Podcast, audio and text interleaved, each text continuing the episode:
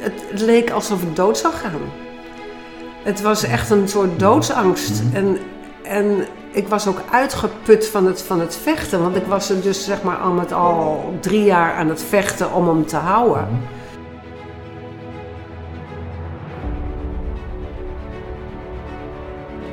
Als ik dan iets moeilijk vind aan mijn leven, dat vind ik dat ik heel veel tijd heb moeten, invest- tijd heb moeten investeren om ehm, ja, mezelf een beetje eh, eh, leuk te gaan voelen.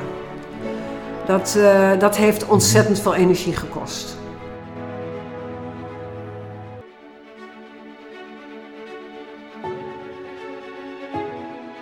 Dat mensen zeggen, jeetje, nou snap ik het. Ik snap nu wat het...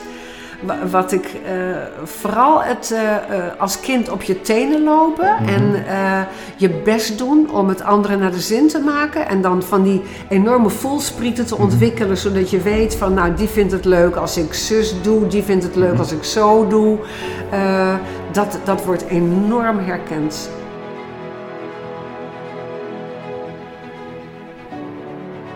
Je hoort fragmenten uit het interview met Letty van der Geest over haar onlangs verschenen boek Het leven is niet veel soeps. Het gebeurt niet vaak dat iemand zo open is over de worstelingen in het leven en hoe je die uiteindelijk toch kunt overwinnen. Letty had het geluk dat zij hierbij de professionele hulp van meneer Veldman heeft gekregen. De geruststellende zinnetjes die hij hierbij gebruikte zijn niet hoogdravend of moeilijk te begrijpen, maar kunnen voor iedereen van toepassing zijn.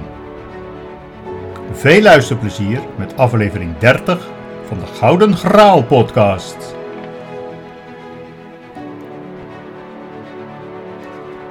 I feel like lion. I'm so strong. Bring me the legacy. I'm so fun.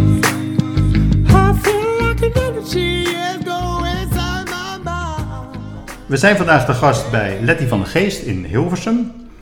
En we gaan het hebben over afhankelijkheid, loslaten, relaties, te hoge verwachtingen, vertrouwen, goede liefde en gelukkig leren leven.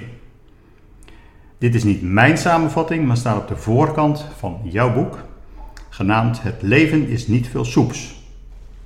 Om de luisteraars een beeld te geven waar het boek over gaat, wil ik je vragen om het voorwoord eh, voor ons voor te lezen. Er gaat eigenlijk geen dag voorbij of ik denk aan een van de zinnetjes van meneer Veldman, de fantastische psychiater waar ik jaren geleden terecht kwam. Ik zat vast in een obsessieve relatie waar ik maar geen afscheid van kon nemen. Ik had geen werk en geen eigen huis, maar wel twee kleine kinderen. Ik was depressief en uitgeput. Ik zocht hulp en wilde die man terug. Later zou ik erachter komen dat ik codependent was, relatieverslaafd. Destijds zag ik het als vechten voor de liefde met een hoofdletter. Meneer Veldman was de eerste therapeut die mij echt begreep. Ik durfde hem te vertrouwen en heel langzaam mijn vaste overtuigingen, en dat waren er veel, los te laten. Ik had het gevoel alleen maar te verliezen. Dertien jaar lang pompte hij die snoeiharde zinnetjes in mijn hoofd. Het leven is niet veel soeps was een van zijn favorieten. Maar hij leerde me tegelijk dat dat niet zo erg was. Dat het je ook ontsloeg van dat najagen van het grote geluk dat maar niet kwam. Dat je tevreden kunt zijn met minder en dat dat veel comfortabeler is. We hebben het werkelijk over alles gehad. Over wie je zelf bent, relaties, familie, werk, het leven. Zijn opvattingen waren zo geruststellend en duidelijk een verademing. Ze zijn beroemd in mijn kennissenkring. Al die jaren zaten ze in mijn hoofd, maar nu staan ze eindelijk op papier. Ik hoop dat ook jij er veel aan zult hebben. Dankjewel. Ja, Een mooi voorwoord. ja. Je boek eh, ligt nu sinds enkele weken in de, in de boekhandel.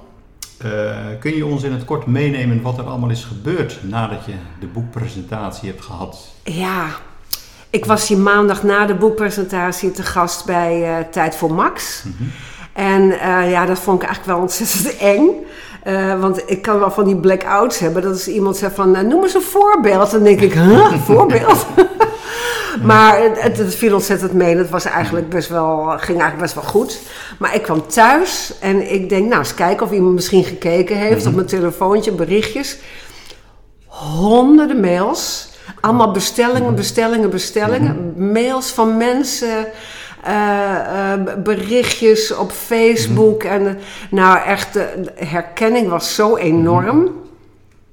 En ik was diezelfde avond meer dan uitverkocht. Met een wachtlijst van hier tot aan de overkant. Nou, toen kwam de dag erop, kwam nog een ehm, artikel in ehm, eh, RTL Nieuws. Oh nee, dat kwam die zondag. Er kwam de Linda, de Margriet, ehm, eh, de, eh, wat was er nog meer? De Telegraaf, een hele pagina.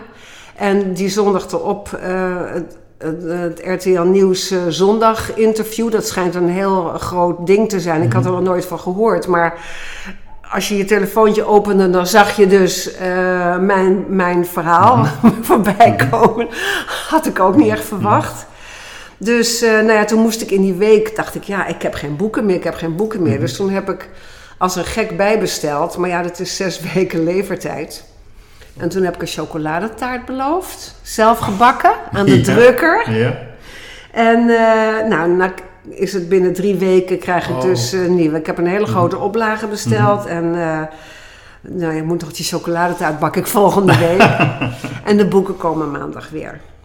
Oké, maar wel, het moet, moet heel leuk zijn om Ja, zulke reacties te krijgen. overweldigend. Overweldigend. Ja. Ja. Is het ook niet een beetje eng dat iedereen nu je, je levensverhaal kan, eh, kan lezen? Eh, en je stelt je in je boek ook heel kwetsbaar op. Eh, hoe, hoe, hoe ga je daarmee om? Nou, ik, het engste vond ik om het destijds te doen.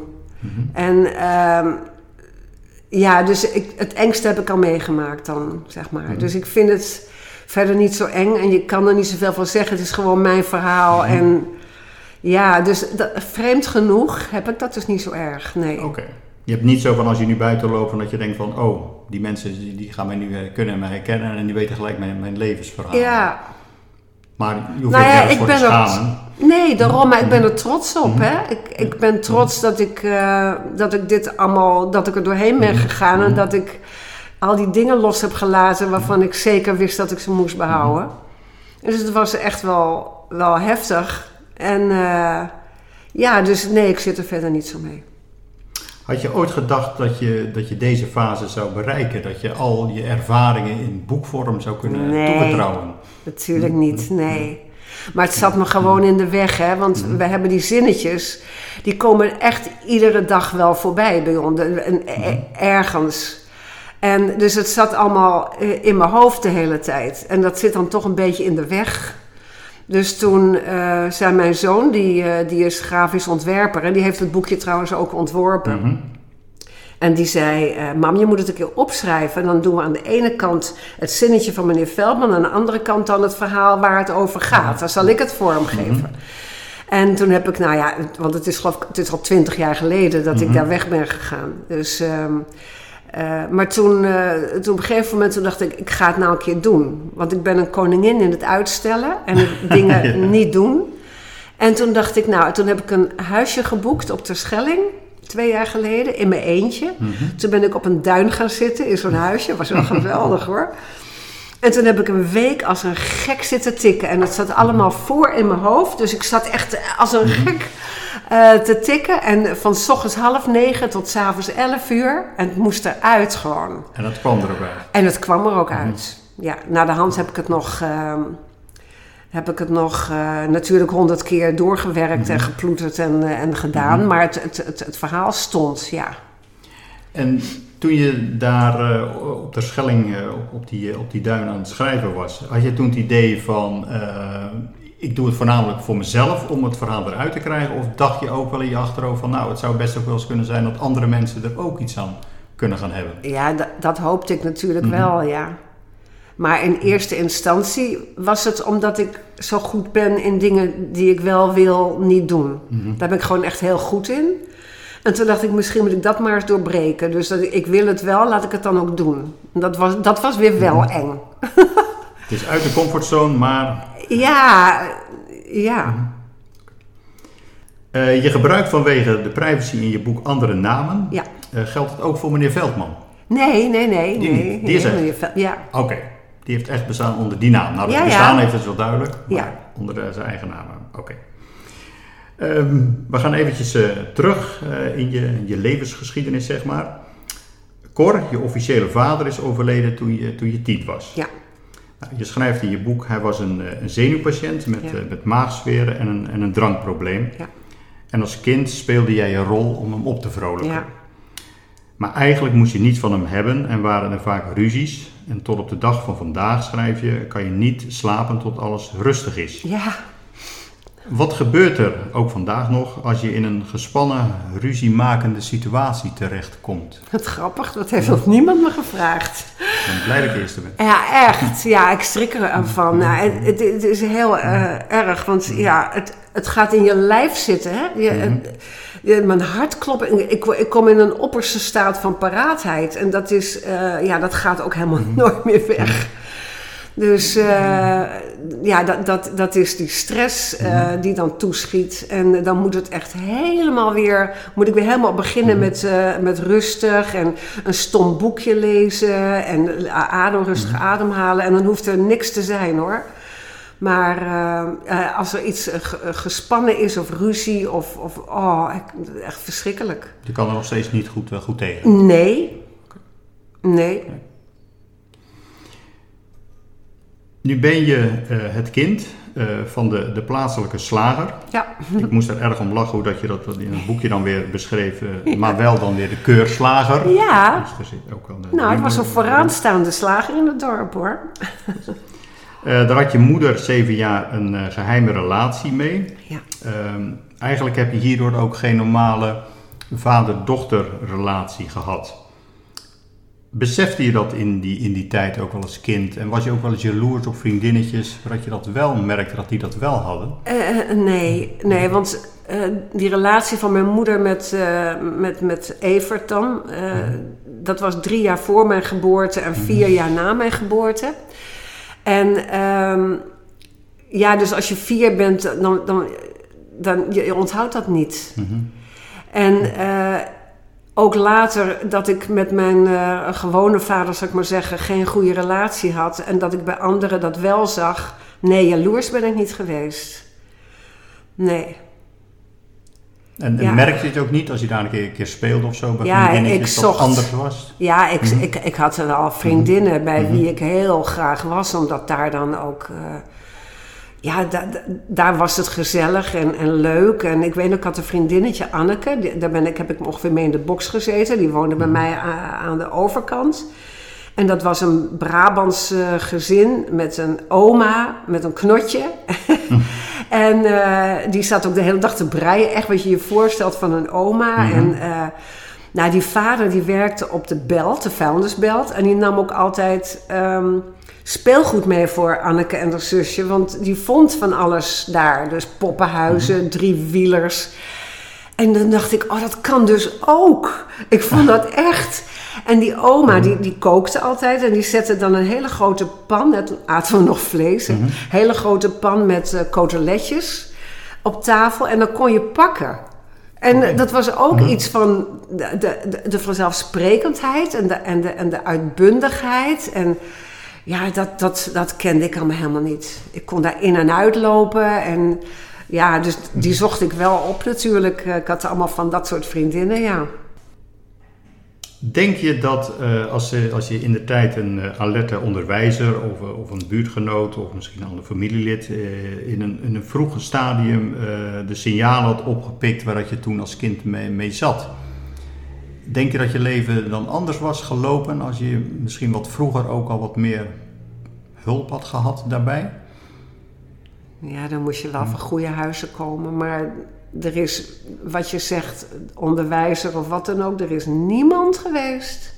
Niemand die ehm, van, van, van dat soort mensen mij zag, zeg maar. Komt dat omdat je zo'n goede toneelspeelster Ja, bent dat om te denk ik. verbergen? Dat denk ik. Ja, dat denk ik. Maar ook op de middelbare school niet. Er is niemand die tegen mij gezegd heeft van je moet gaan studeren of wat dan ook. Nul. Gek eigenlijk, hè? Eigenlijk wel. Dus kijk- natuurlijk. Ja, dus kijken wat er nu allemaal aan begeleiding is en zo. Maar ook op de, op de mi- middelbare... Nee. Want je zou eigenlijk verwachten dat onderwijzers toch ook een, Ja. een stukje van een opleiding, een training daarin moeten hebben om, om ja, signalen die, die niet duidelijk worden gegeven, maar die er ook wel zijn, Ja, op te pikken. ik, ik weet niet of er signalen waren. Mhm. Want ik was natuurlijk wel hartstikke vrolijk, huppelend, blij meisje. Ik had ook vriendinnen. Dus het het was ook niet zo gek veel om je zorgen over te maken. Voor de baan. Dat, dat weten mensen niet, denk ik. Nee. Oké, komt niet eens voor. Nee. Ehm, toen je begin twintig was, toen werkte je in de, de popconcertenbranche. Ja.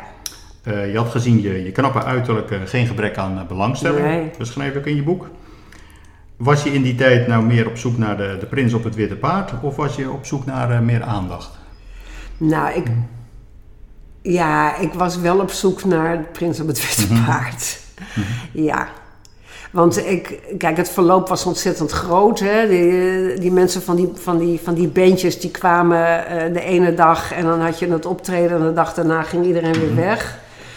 Maar ik, ik, ik zocht wel echt connectie en ik, ehm, en ik, ik vond het ook eigenlijk, ik had het wel leuk gevonden als er iemand had gezegd van God, kom bij mij in eh, Londen wonen. dat was er niet. Maar ehm, ja, aan de ene kant weet je natuurlijk wel dat dat niet gebeurt, maar eh, dat verlangen was er wel. Ja, Het had ook wel gekund natuurlijk, toch? had ik wel gekund, ja. Ja. Maar ja, dan, dat doe je niet met iemand, want ik kijk... ehm, ja, ik was daar ook wel te makkelijk voor natuurlijk. Dus iemand die zo makkelijk is als dat ik in die tijd was... daar ga je niet serieus over nadenken. Dus dat is, ja... Had ik maar moeilijker moeten doen. ja. We maken even een eh, sprongetje in de tijd. Eh, en we gaan nadat je een, een stuk gelopen huwelijk van vier jaar met, eh, met Maarten had gehad. Naar de periode dat je 15 jaar een relatie met Henk hebt gehad. En die ook de vader is van je, van je twee kinderen. Je beschrijft in je boek dat je in die periode voldeed aan het ideale plaatje. Ja. Je had een partner die goed voor je zorgde. Je had een mooi huis in het gooi. Je kinderwens ging in vervulling. En toch had je het gevoel dat het leven door je vingers glipte. Zou je die gevo- gevoelens een botsing tussen het hoofd en het hart, tussen de ratio en het gevoel Precies. kunnen noemen? Ja. Ja. ja, want ik kon natuurlijk helemaal niet eh, begrijpen waarom ik me slecht voelde. Want waarom nou?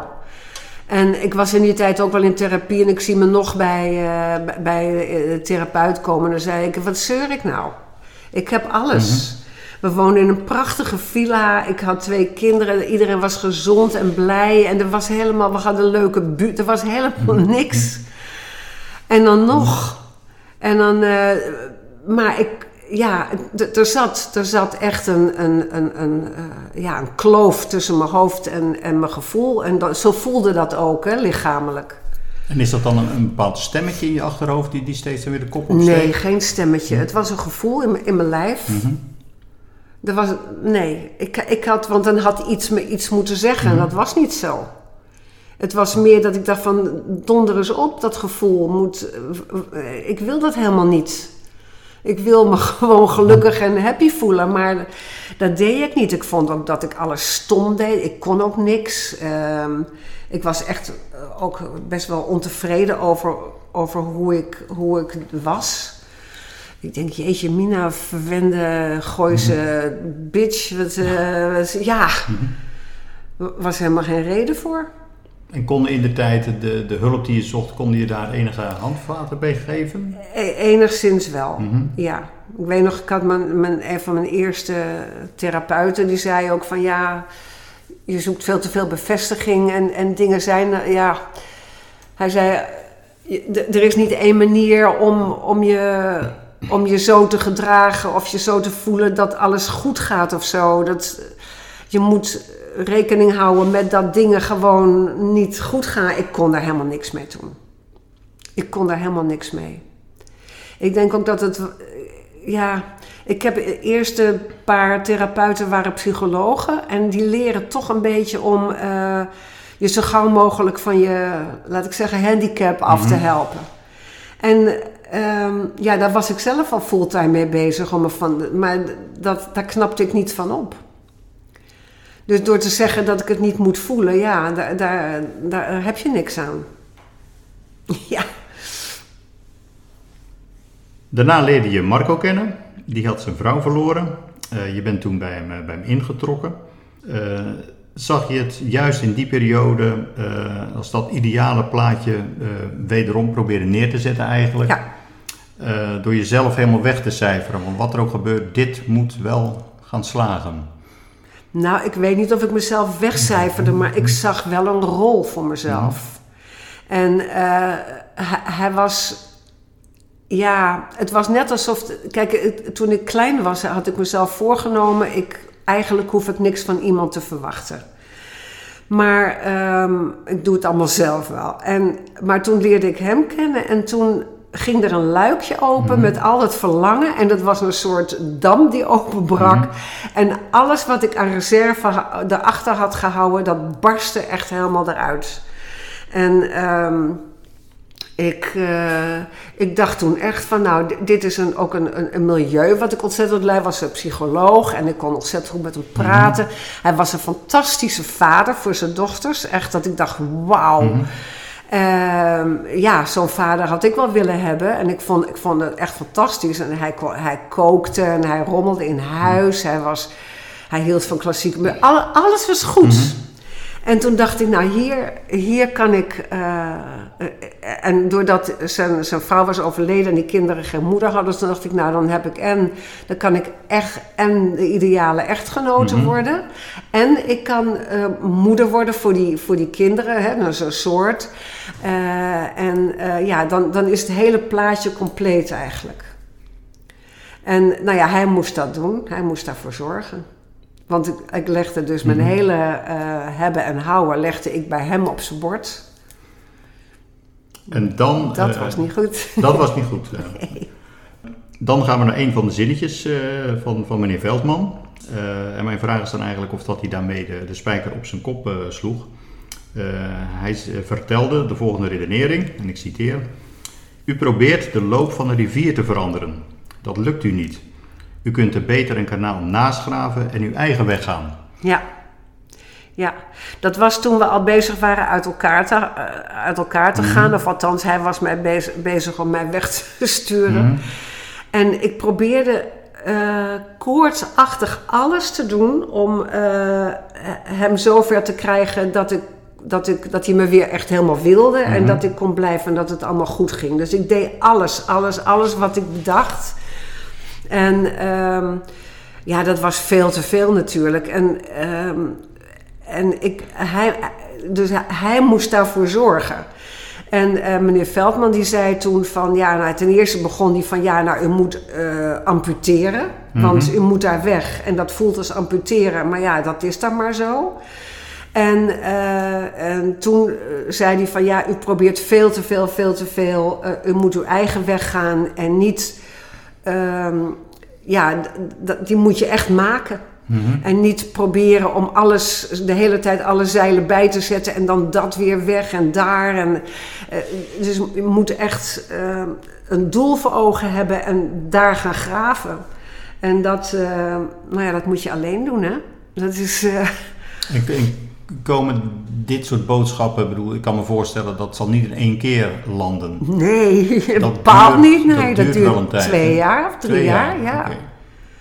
En ja. moet ik me dan voorstellen dat dat elke keer wel weer een, een terugkerend thema dan is en dat het dan langzamerhand dat je het dan toch ja, oppikt? Het, het heeft gewoon wel twee jaar geduurd mhm. voordat ik het überhaupt kon mhm. horen. Want ik zei de hele tijd ja maar dit en mhm. ja maar dat.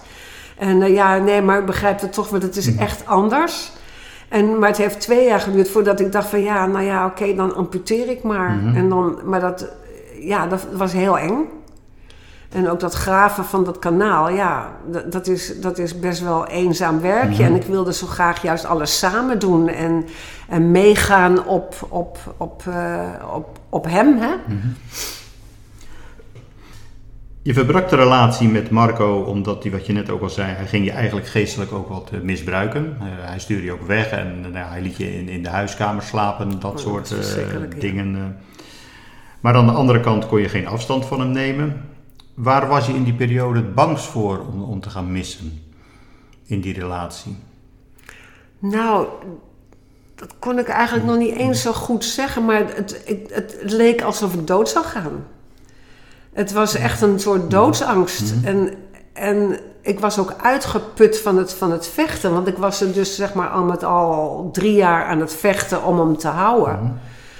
En eh, ik, eh, ik was echt helemaal kapot. En toen dacht ik, als ik dan ook nog in mijn eentje moet gaan wonen en, en, en eh, ik had toen ook geen werk meer en zo. En, uh, en toen dacht ik, ja, en ik ga een heel onbekend iets tegemoet.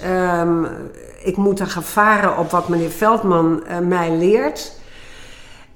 ja, dat was allemaal heel eng, want ik, ik had me voorgenomen dat ik het dus allemaal zelf zou doen. Mm -hmm. En nou moest ik toch varen op wat, wat, ja, wat hij mij zei.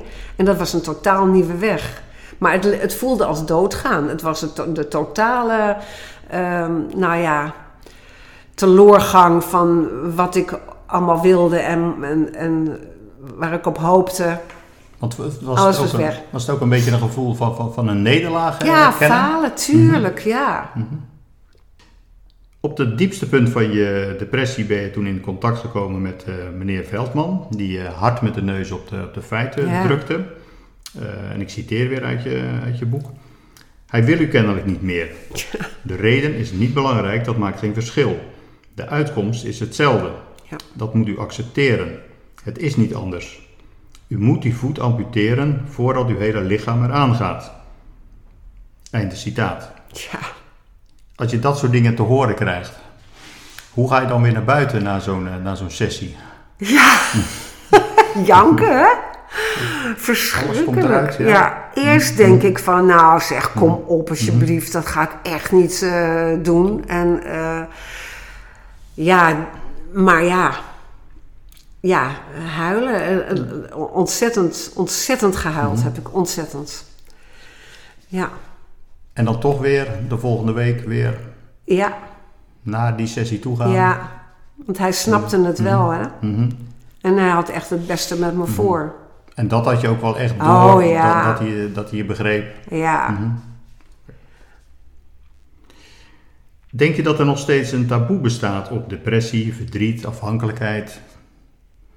Wordt het wel... Eigenlijk denk ik van niet. Ik, ik hoor dat steeds van iedereen, maar er wordt voortdurend over depressie gepraat. En eh, ik, ik, ik weet, maar ja, ik, wat ik nu hoor van mensen, dat, dat ze mij mailen en berichten en ze zeggen allemaal wat dapper dat je dit vertelt. Ik vind het helemaal niet dapper.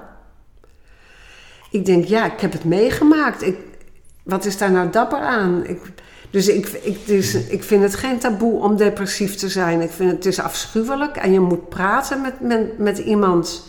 Maakt niet uit tegen wie, maar mijn vriendinnen hebben ook mij zo geholpen. En eh, die, had, die, die kregen daar ook nooit genoeg van. Eh, eh, weet je wel? ja. Dus ik, ik moedig mensen ook altijd aan tegen mij aan te zeuren. Je moet ontzettend veel zeuren over, over wat, je, wat je allemaal kloten vindt en, en wa- waar je het moeilijk mee hebt. Nee, ik, ik merk het niet zo. Is het ook een beetje niet, als je de, de social media bekijkt, daar is het vaak weer alle opbeurende berichten worden daarin in gedeeld. Ja, En daar komen dit soort dingen misschien wat minder aan de, aan de orde. ja maar ook van ik ben depressief, dan krijg je ook 354 likes. Daar, daar wordt ook wel, want mensen zijn ook heel, eh, vind ik wel he- heel erg eh, eh, slachtofferig. eh, en terecht hoor, terecht. Maar d- ik- vind dat daar wel heel veel ehm, oog voor is. Ja. Word je nu ook vaak gebruikt als, als vraagbaar voor, voor problemen? Omdat misschien nu dat je het nu op pa- papier hebt gezet en mensen weten wat je hebt meegemaakt, dat ze denken van nou, daar zouden we best wel eens wat advies Ja. aan kunnen vragen. Ja, maar dat doe ik dus niet. Hè? Want ik, ik heb een broertje dood aan eh, amateurs die in het hoofd van andere mensen gaan zitten vroeten. Ik, ik kan alleen vertellen wat ik zelf heb meegemaakt. En ik kan zeggen wat meneer Veldman zou zeggen. Maar verder, verder komt het niet. Maar ik vind wel, eh, ja, ik, ik vind wel, wel fijn als mensen zeggen van, nou, ik, heb, ik maak precies hetzelfde mee. En, en om het daarover te hebben, dat, dat vind ik wel eh, fijn. Maar adviezen, nou, hmm, Want iedere situatie is eigenlijk ook Ja. weer anders. Je, je kan ze niet eh, op elkaar leggen en zeggen van Nee. dan moet je dit doen. Nee. Ben je eigenlijk ook niet een beetje, eh, misschien als je je leven nog eens een keer over zou doen, dat je dan zegt van nou, ik zou ook wel zo'n in de hulpverlening weer willen werken? Ja, ik heb ook wel heel vroeger al gedacht, nou, toen zat ik geloof ik nog op school dat ik psychologie wilde studeren. Mhm. En, eh, maar ik dacht nooit dat ik dat kon. Stom, hè? Ja, dat Ja. is wel echt heel jammer. Mhm. Ehm, ja, dus dat, dat wilde ik op school al. Eh, Als ik dan iets moeilijk vind aan mijn leven, dat vind ik dat ik heel veel tijd heb moeten, tijd heb moeten investeren om ehm, ja, mezelf een beetje eh, eh, leuk te gaan voelen. Dat, eh, dat heeft ontzettend veel energie gekost. Dat vind ik wel jammer. Die energie en, en die passie had ik wel graag in iets substantieels gestopt. Nou ja, goed, jezelf is ook substantieel, maar ja, Want had je ook echt wel een, een minderwaardigheidscomplex? Ja, maar dat heb ik eigenlijk nog wel. Mhm. Ja, Terwijl het nu eigenlijk helemaal niet meer hoeft. Ja. Als je boek leest, dan mag ik toch best zeggen dat je een, hele weg hebt afgelegd. En waar je nu bent, wat Ja. je bereikt hebt. Maar ik vind dat geen prestatie. Nou, nee, niet echt. Wat ik Mhm. zeg, het enige waar ik trots op ben, dat is dat ik, dat ik het op een gegeven moment niet uit de weg ben gegaan. Mhm. En, en, en dat ik. En dat ik het, het is ook bestendig gebleken. Hè? Want het is dus al twintig jaar geleden dat Mhm. ik bij meneer Veldman weg ben gegaan. En ehm, nou, ik heb nu een fantastische relatie. En ik, ik, ik merk wel dat ik. Ja, dat had ik allemaal zonder die therapie Mhm. allemaal nooit geweten. En nooit. Dan was ik gewoon nooit gelukkig geworden. Ik ben nu wel echt gelukkig. Mhm. En daar ben ik dan weer wel trots op. Dat is dan. Maar als iemand nu zegt van wat schrijf je leuk, dan krijg Mhm. ik wel een beetje de slappe lach van. Oké. nou ja, misschien dat een heleboel mensen hebben ook wel een idee om iets op papier te zetten, een, Ja. een boek te schrijven. Maar dan komt het niet eh, eruit. Nee, nee. Dus wat dat betreft mag ik Ja. wel trots zijn dat je het eh, boek Ja, voor je hebt liggen. Ja, dan denk ik, ik heb ook geluk gehad. Nou ja, maar je hebt het ook zelf gedaan. Ja, ik heb het wel zelf gedaan. Ja, klopt. Dankjewel. Een andere uitspraak van meneer Veldman eh, was: iedereen doet uiteindelijk alles Ja. voor zichzelf. Ja. Ik denk dan, eh, en dan chargeer ik wat, maar zou de wereld er ook niet beter uitzien als meer mensen zoals jij zouden zijn die willen opofferen voor het geluk van anderen? Nee, dat, dat kan natuurlijk niet. Je kan, je kan niet iemand anders gelukkig maken, dat zei hij ook Mhm. altijd. Dat- dat- dat- ja, je kan wel prettig zijn Mhm. voor iemand anders. En eh, eh, ik heb toen het woordje, dat las ik, je om iemand bekommeren. Mhm. Dat, dat vind ik dan net. Maar iemand gelukkig maken en dan te- ten koste van jezelf, wat ik dus geprobeerd heb, dat kan dus niet. En het is ook niet goed. Misschien moeten we het niet helemaal zwart-wit zien, maar ehm, leven we nu niet in een tijd dat, dat ieder voor zichzelf eh, individualistischer is? Ja. Zouden we niet dat een beetje Ja. moeten schuiven naar. Ja, Wat nou, meer naar de maatschappij. Hm? Ja, Mhm. ja, dat ben ik wel Mhm. met je eens. Ja. ja, nou ja, dan zei hij wel, Mhm. het gaat niet om u, zei hij dan. Mhm. Het gaat om al die andere mensen. En iedereen moet dan zelf eh, voor zijn eigen geluk zorgen. Maar eh, ja, je moet ook niet denken dat het om jou gaat, natuurlijk. Dus het gaat om, de, om, de, om ook om de gemeenschap. Want uiteindelijk denk ik dat we de andere mensen ook wel nodig hebben. Absoluut, nee, Om gelukkig absoluut. te worden. Hm. Ja, ja, Want zou je, denk je, ook alleen gelukkig kunnen, kunnen zijn? Nee, ik helemaal niet. Nou, Nee, ik al helemaal niet. Ik ben wel graag alleen hoor, Mhm. maar dat is alleen maar omdat ik weet dat ik niet alleen ben. Natuurlijk. Ik ben niet alleen. Ik heb ook eh, eh, een leuke man en een gezin en een hond en een eh, fijn huis. En, nee. Nee. Het is... Ja, het, het, wa- wat voor iemand doen, dat... ehm, ja, dat kan wel alleen als je zelf eh, genoeg hebt om te Mhm. geven. En eh, dat je daar verder ook niks voor, voor terug hoeft. Maar als je zeg maar heel erg investeert in iemand anders, wat ik dus gedaan heb, dan hoop je eigenlijk dat je wat terugkrijgt. Dat hoop je niet bewust, maar onbewust wel. En dat is ook wel veel. Dat zijn meneer Veldman, al die mensen die dan zeg maar voor goede doelen werken enzovoort. En, en ja, je krijgt er altijd iets voor terug natuurlijk. Hè? Waardering, heel veel waardering. Mhm. Van wat goed dat je dat doet en zo. En dus ja, je, je doet niet echt altruïsme, zei hij altijd, dat bestaat niet. Dus misschien naar je kinderen toe, maar dan nog wil je wel dat die kinderen zich gedragen en aardig voor je zijn enzovoort. Je wil altijd iets terug. Want dat geeft ons ook inderdaad een goed gevoel als we iets voor een ander gedaan Ja, hebben. absoluut. Nou, En- dat mag ook. Mhm. Ja. En dat is ook dat, eh, wat je noemt goede doelen, vrijwilligerswerk, Ja. daar zie je dat ook in, eh, in, Ja. in terugkomen. Ja. ja. Alleen je moet het niet overdrijven. Nee, je moet het zeker Dat niet overdrijven. De nee. boodschap eh, zijn Ja. inderdaad. Meneer Veldman die is niet van de, van de zachte aanpak. Nee. Ehm, zit er ook geen gevaar in bij die, bij die aanpak bij de wat eh, labiele patiënten die in een moeilijke fase van hun leven zitten, want anders zouden ze ook niet bij hem eh, aangeklopt te hebben, dat het ook wel eens verkeerd kan, eh, kan uitpakken? Ja, dat weet Denk ik natuurlijk niet. Mhm. Ik kan me haast niet voorstellen dat het.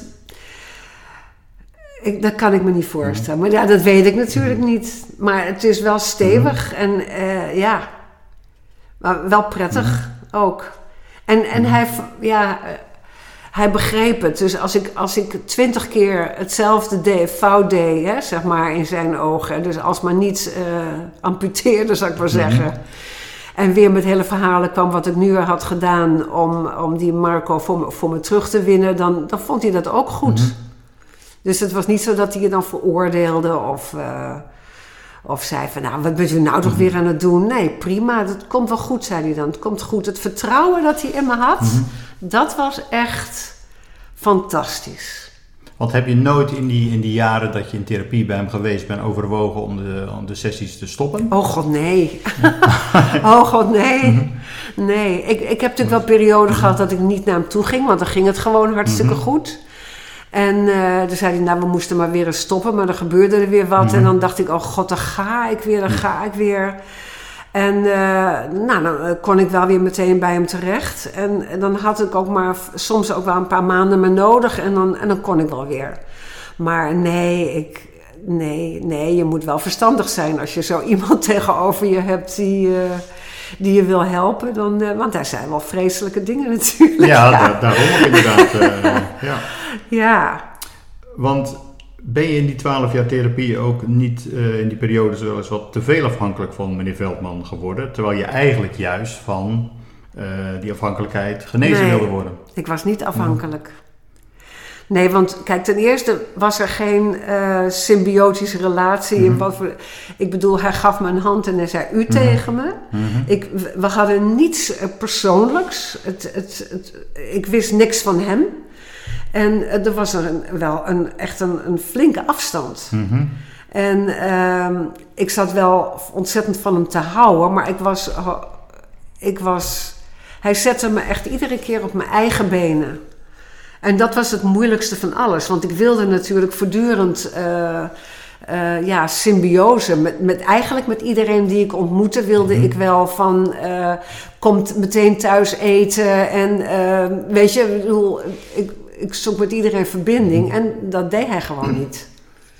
Dus eh, ik werd... ehm, ja, ik, ik, ik werd echt op mijn eigen benen gezet, iedere keer weer. Dus hij zette me echt zo, hij pakte me op en hij zette me zo weer buiten. ja.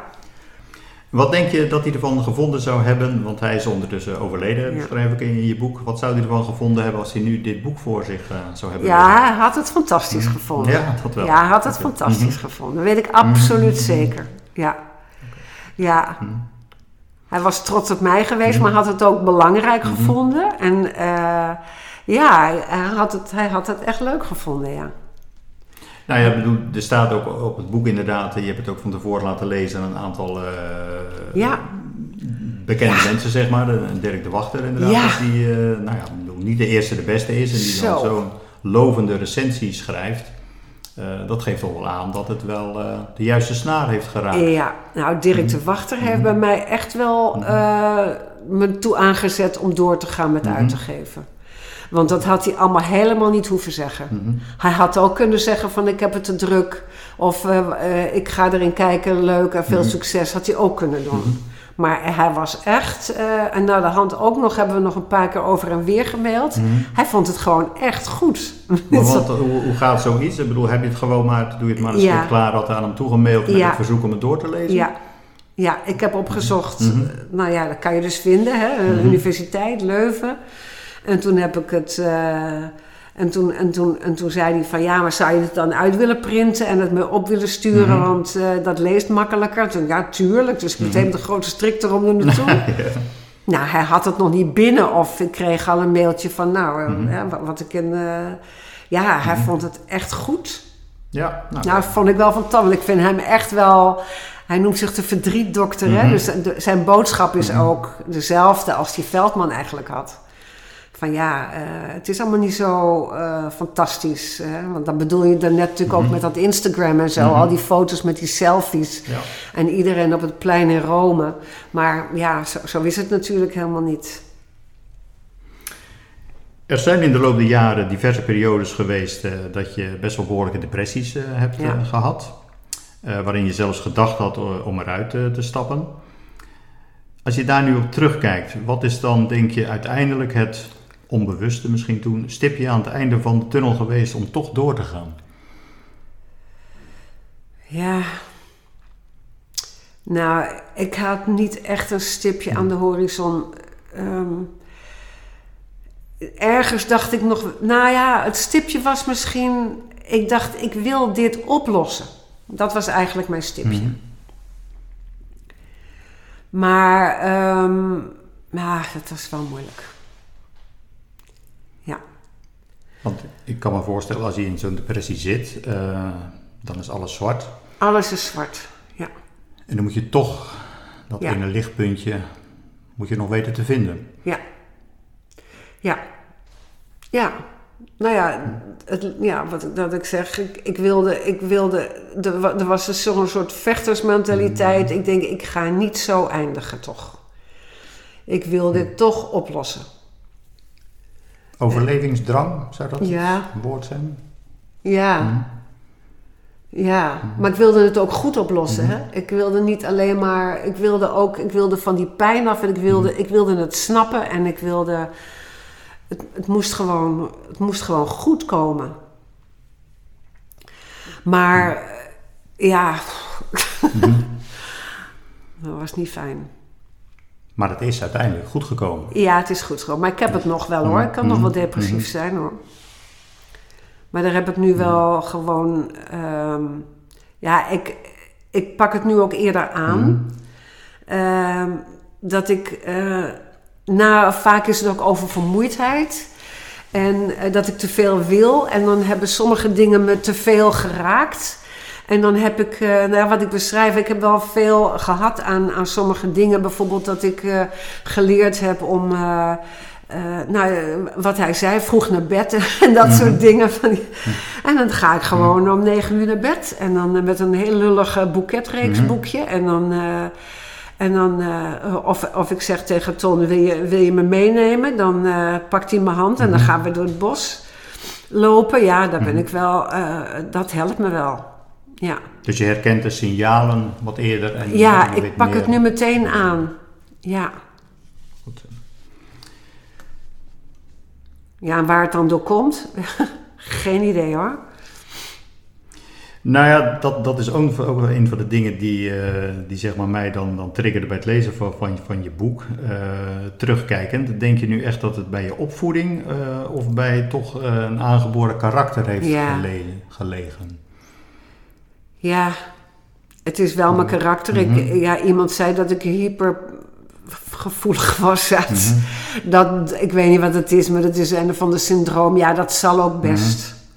Je kan ook, als je... Kijk, zo heel achterlijk veel heb ik nou ook weer niet meegemaakt. Maar het, het komt gewoon allemaal zo hard binnen. En het, eh, het doet zo'n pijn. En eh, ja... En, en eh, geen, er is niet echt een bodem gelegd voor... ehm, ehm, ja, dat ik, dat, er is nooit, toen ik klein was, niet voor me gekozen. Ik, eh, d- d- dat heeft wel echt heel veel kwaad gedaan. Dus het gemak waarmee mensen afscheid van me hebben genomen, dat doet wel echt zeer. Mhm. Ja. En dat neem je dan ook mee de rest van je leven? Ja. Dat blijft toch dat gevoel? Ja. Blijft sluimeren Ja, aanwezig. eh. Oké. Ehm, meneer Veldman leeft niet meer. Hoe lang geleden is die overleden? 2006. Oh, 2006 Ja. inderdaad. Nou, je beschrijft ook in je boek eh, dat je nog wel een, eh, in de laatste maanden zeg maar, nog wel eh, contact met, met- Ja. met hem had inderdaad. was het heel moeilijk om afscheid van hem te nemen? Want je zag natuurlijk al dat hij, dat hij achteruit ging. Ja, ja, hij zat in een rolstoel hè, en, ik, eh, en dat vond ik heel moeilijk. Want ja, een, een man, man moet natuurlijk wel eh, eh, sterk zijn. En zeker hij was mijn vader geworden. En ja, dat kon ik natuurlijk allemaal niet hebben. Dat hij, maar ehm, nou, gelukkig... ehm, ja, we hebben, we hebben geen afscheid in die zin genomen, maar ehm,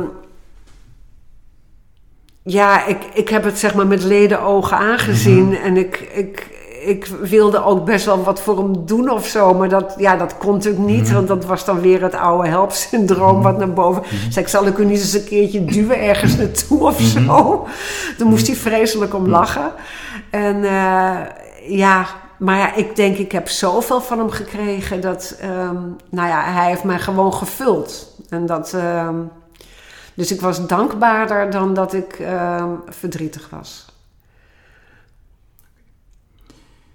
Denk je dat dit boek een, eh, een feest herkenning voor grotere groepen mensen zal zijn? Dat is het zeker. Mhm. Ik hoor Mhm. ontzettend veel.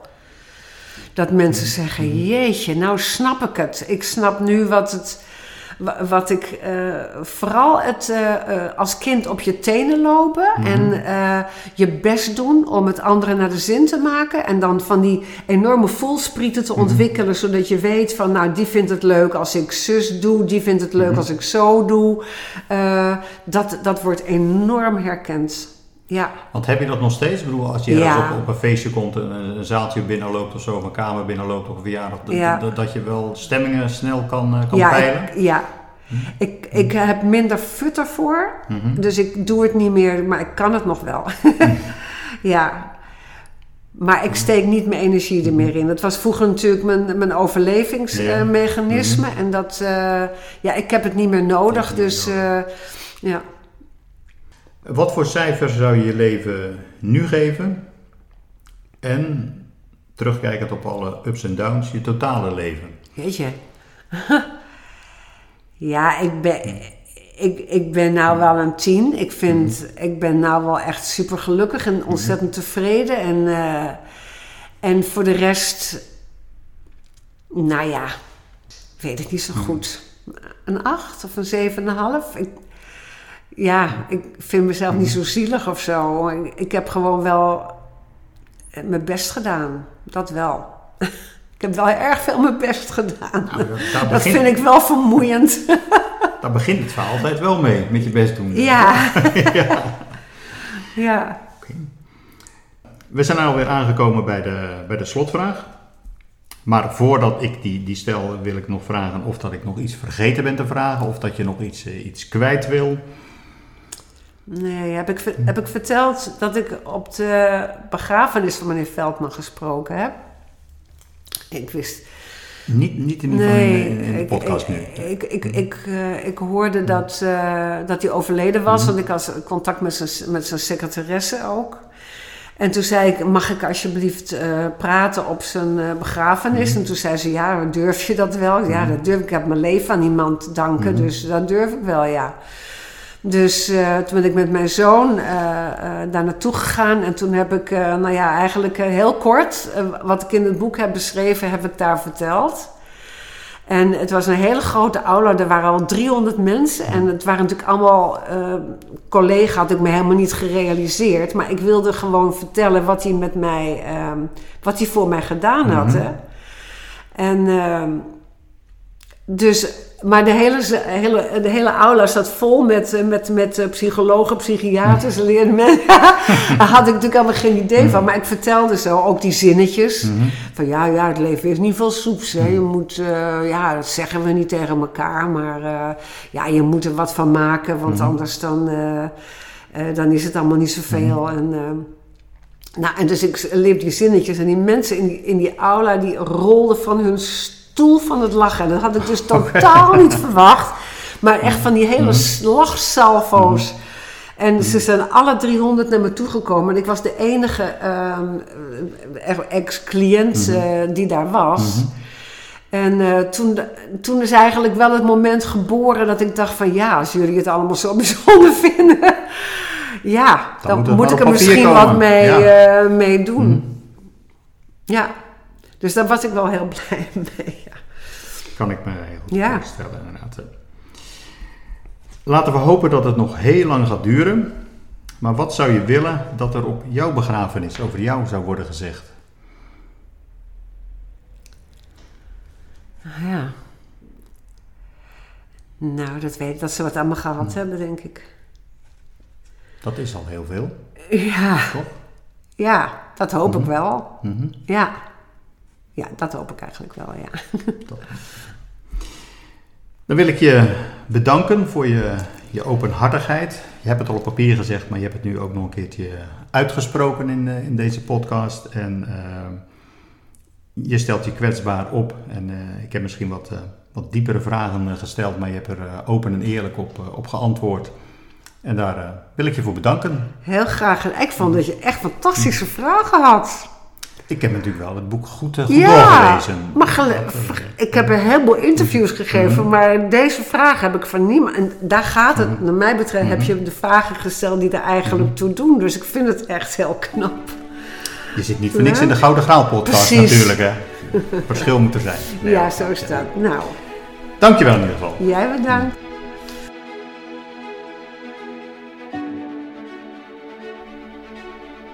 Praten over gevoelens of nare dingen die we hebben meegemaakt, doen we meestal alleen met mensen die we volledig vertrouwen. Door het schrijven van dit boek heeft Letty ons een inkijkje in haar persoonlijke leven gegeven. De relativerende zinnetjes van meneer Veldman zijn nu voor een breed publiek beschikbaar en kunnen met een lach en een traan, dankzij het boek Het leven is niet veel soeps, door Letty van der Geest gelezen worden. Bedankt voor het luisteren en tot de volgende aflevering van de Gouden Graal podcast.